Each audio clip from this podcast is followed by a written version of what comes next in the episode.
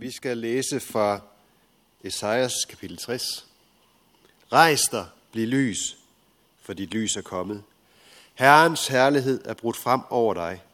For se, mørket dækker jorden, mulmen dækker folkene, men over dig bryder Herren frem. Hans herlighed viser sig over dig. Folkeslag skal komme til dit lys, konger til din stråleglans. Løft blikket og se dig omkring.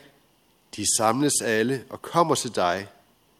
Dine sønner kommer fra det fjerne, dine døffer, døtre bæres ved hoften. Der stråler du af glæde, når du ser det. Dit hjerte banker og svulmer, når havets skatte bringes til dig, og folkenes rigdom kommer til dig. Kameler i mængde flokkes hos dig, dromedarer fra Midian og Efa. Fra Saba kommer de alle sammen. De bærer guld og røgelse. De forkynder Herrens pris. Vi vil nu øh, rejse os, og så vil vi øh, bekende den kristne tro sammen. Vi forsager djævlen og alle hans gerninger og alt hans væsen. Vi tror på Gud Fader, den almægtige, himlens og jordens skaber. Vi tror på Jesus Kristus, hans enborne søn, vor Herre, som er undfanget ved Helligånden, født af Jomfru Maria, pint under Pontius Pilatus, korsfæstet, død og begravet, nedfaret til dødsriget, på tredje dag opstanden fra de døde, opfaret til himmels, sædende ved Gud Faders den almægtiges højre hånd, hvorfra han skal komme at dømme levende og døde. Vi tror på Helligånden, den hellige almindelige kirke, de hellige samfund, søndernes forladelse, kødets opstandelse og det evige liv. Amen.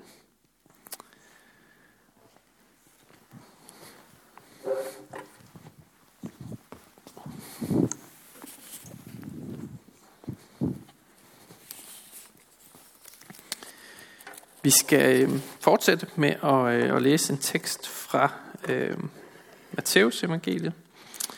Øh, kapitel 2 står teksten om de vise mænd. Den lyder sådan her. Da Jesus var født i Bethlehem i Judæa i kong Herodes' dage, se, der kom der nogle vise mænd fra Østerland til Jerusalem og spurgte, hvor er jødernes nyfødte konge? For vi har set hans stjerne gå op og er kommet for at tilbede ham. Da kong Herodes hørte det, blev han forfærdet, og hele Jerusalem med ham. Og han sammenkaldte alle ypperste præsterne og folkets skriftkloge og spurgte dem, hvor Kristus skulle fødes.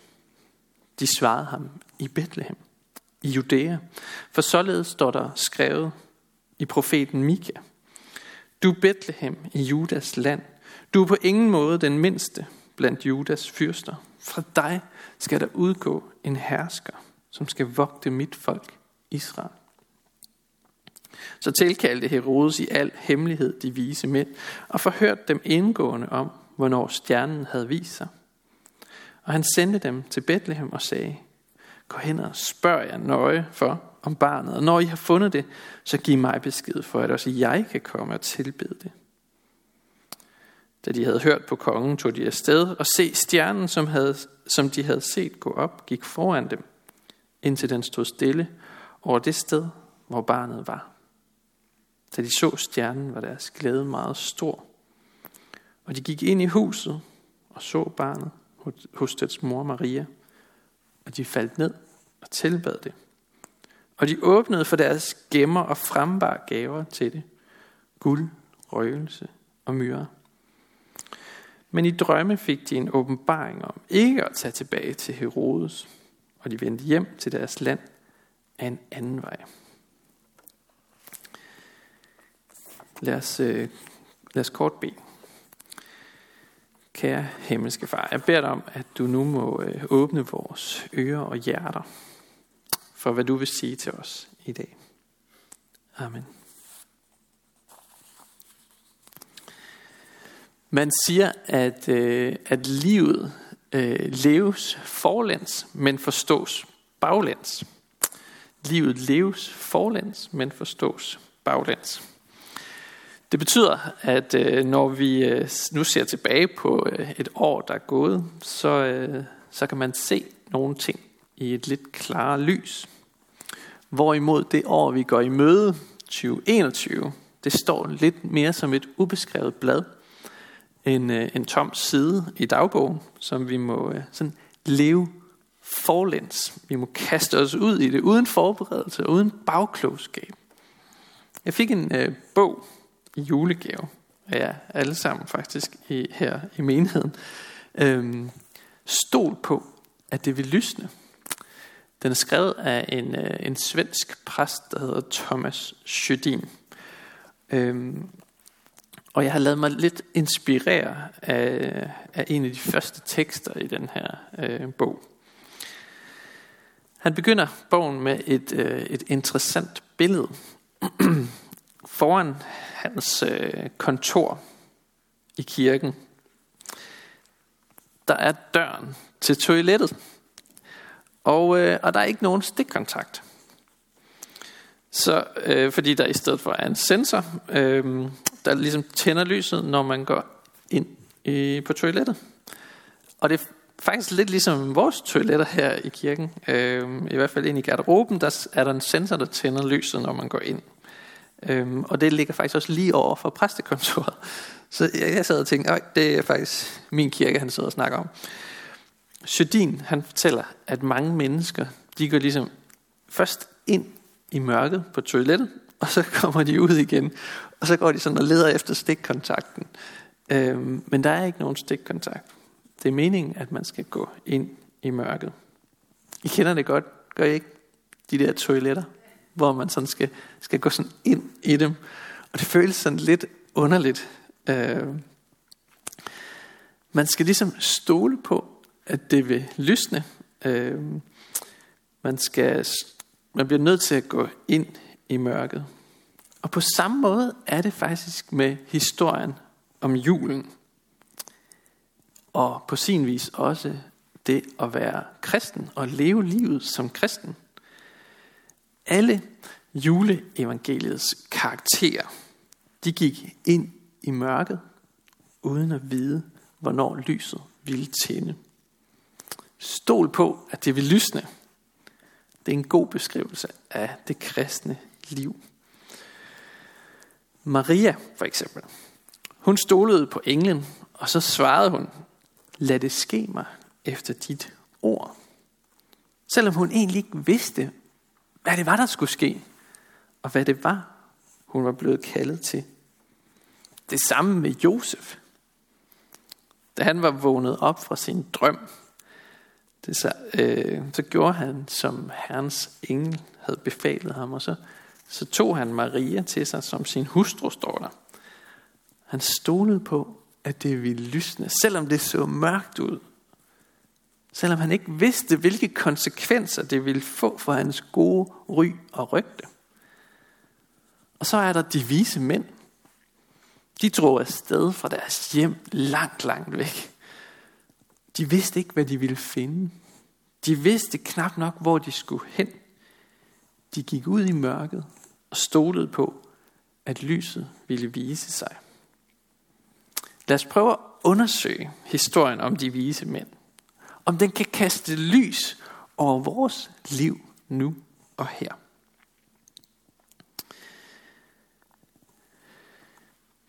Der står ikke noget øh, i teksten om, øh, om de vise mænds forberedelser til rejsen.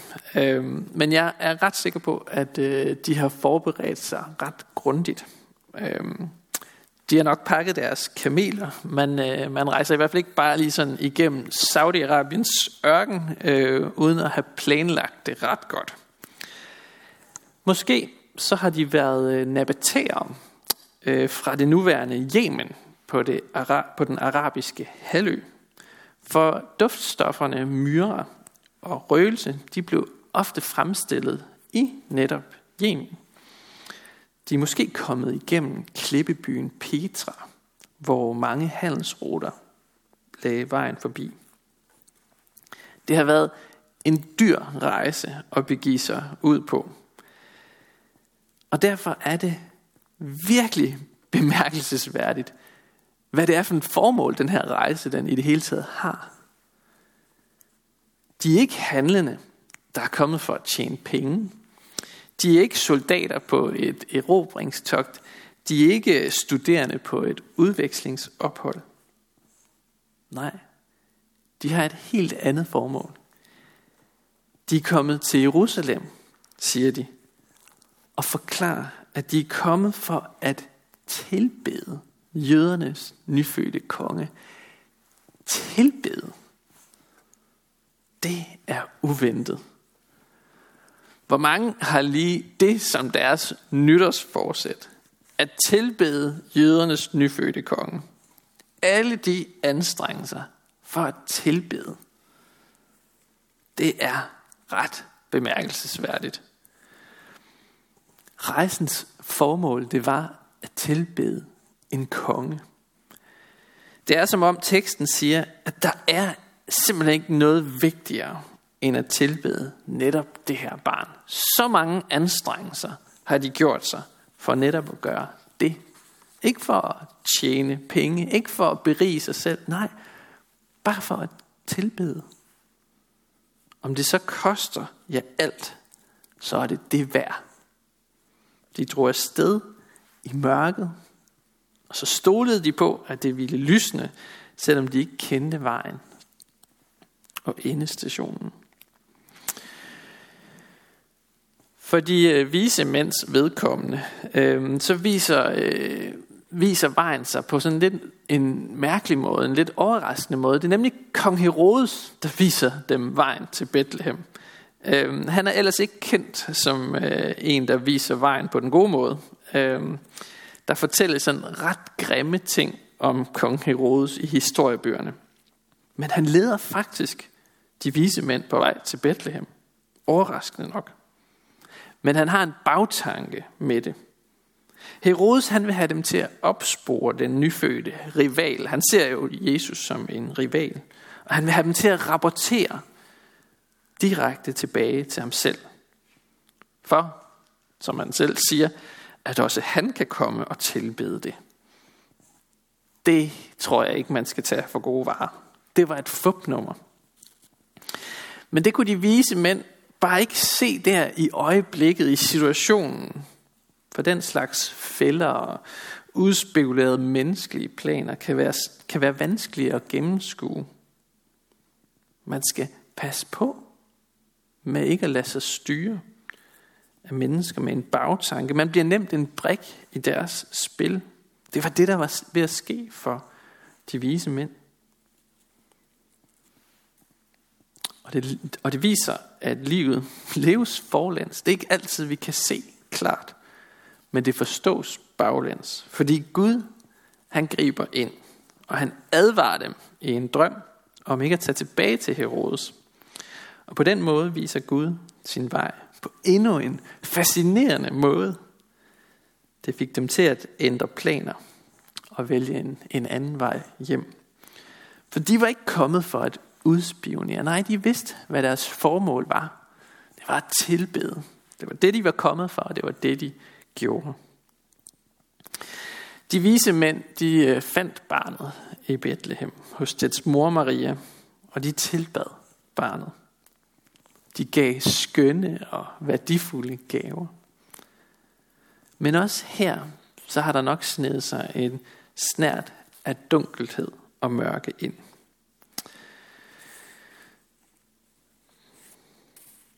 De er gået ind i noget, som de ikke har set helt tydeligt for sig. For hvis de havde en forestilling om, øh, om et barn i et kongeslot, så var det jo slet ikke det, de fandt. De fandt noget helt andet. De måtte træde et skridt ind i mørket, i stallen, og stole på, at lyset ville vise sig i det lille barn. Jeg ved ikke, hvordan man sådan har kunne se det. Har, har du tænkt på det? Hvordan vidste de, at, at det var det rette sted? Ja, der var stjernen. Men hvordan vidste de, at netop det her barn var værdig al ære og al tilbedelse? Det har jeg spekuleret over Og jeg har faktisk ikke rigtig noget svar på det. Måske vidste de det bare. Måske kunne man se det. Måske kunne man ikke. Lyset er på en eller anden måde skjult i det her lille barn. Og også i den mand, som barnet vokser op til at blive. Når vi træder ind i mørket i stallen, så kommer han til os. Det var ikke, egentlig ikke vismændene, der kom til Jesus, men det var Jesus, der kom til dem. Og når vi træder ind i mørket, i gravkammeren, og leder efter Jesus, så viser han sig for os som den opstandende. Han kommer til os. Og så kan du stole på, at lyset er at finde netop de to steder. Selvom det første skridt måske kræver, at du går ind i mørket. Der er noget ved evangeliet, som du ikke kan se med det blotte øje. Noget du må stole på. Og så vil du opdage, at han kommer til dig, og at hans lys skinner for dig, og at han igennem dig skinner for andre mennesker. Det er Helligåndens gerning i dig, at vi må lyse for mennesker omkring os. Det her, det kan vi kun se, hvis Helligånden viser, viser det for os. Øhm, og netop Helligånden blev også åbenbaret i et mørkt rum. Disciplene, der sad glade over opstandelsen, men også usikre på fremtiden og ventede på ham, der skulle lede dem. Ham, der skulle udruste dem til tjeneste. De ventede på hans gaver. Men selvom det måske var dunkelt og mørkt, der hvor de sad, så stolede de på, at lyset ville komme. Og så kom han til dem, Helligånden, som små flammer på deres hoveder. Og han antændte en gnist, en tro, en revolution, en mission, som aldrig er set magen til. De gjorde faktisk ikke andet end at, at have tillid til Guds løfter, og så ellers bare sidde der i mørket. Og så kom Gud til dem. Helligånden kom til dem. Det er da meget interessant. Sådan et billede med lyset på toilettet, som, for, som på forunderlig vis kan minde os om både julens, påskens og pinsens under. Gud, der kommer til os udefra og griber ind i vores verden for at frelse os fra synden og give os liv, for at tænde et lys i verden. Selvom vi måske ikke forstår det lige nu, så må vi gå ind i mørket. Vi må gå ind i det nye år, som kommer, og stole på, at det vil lysne. Stole på, at han vil tænde lyset. Lad os bede sammen.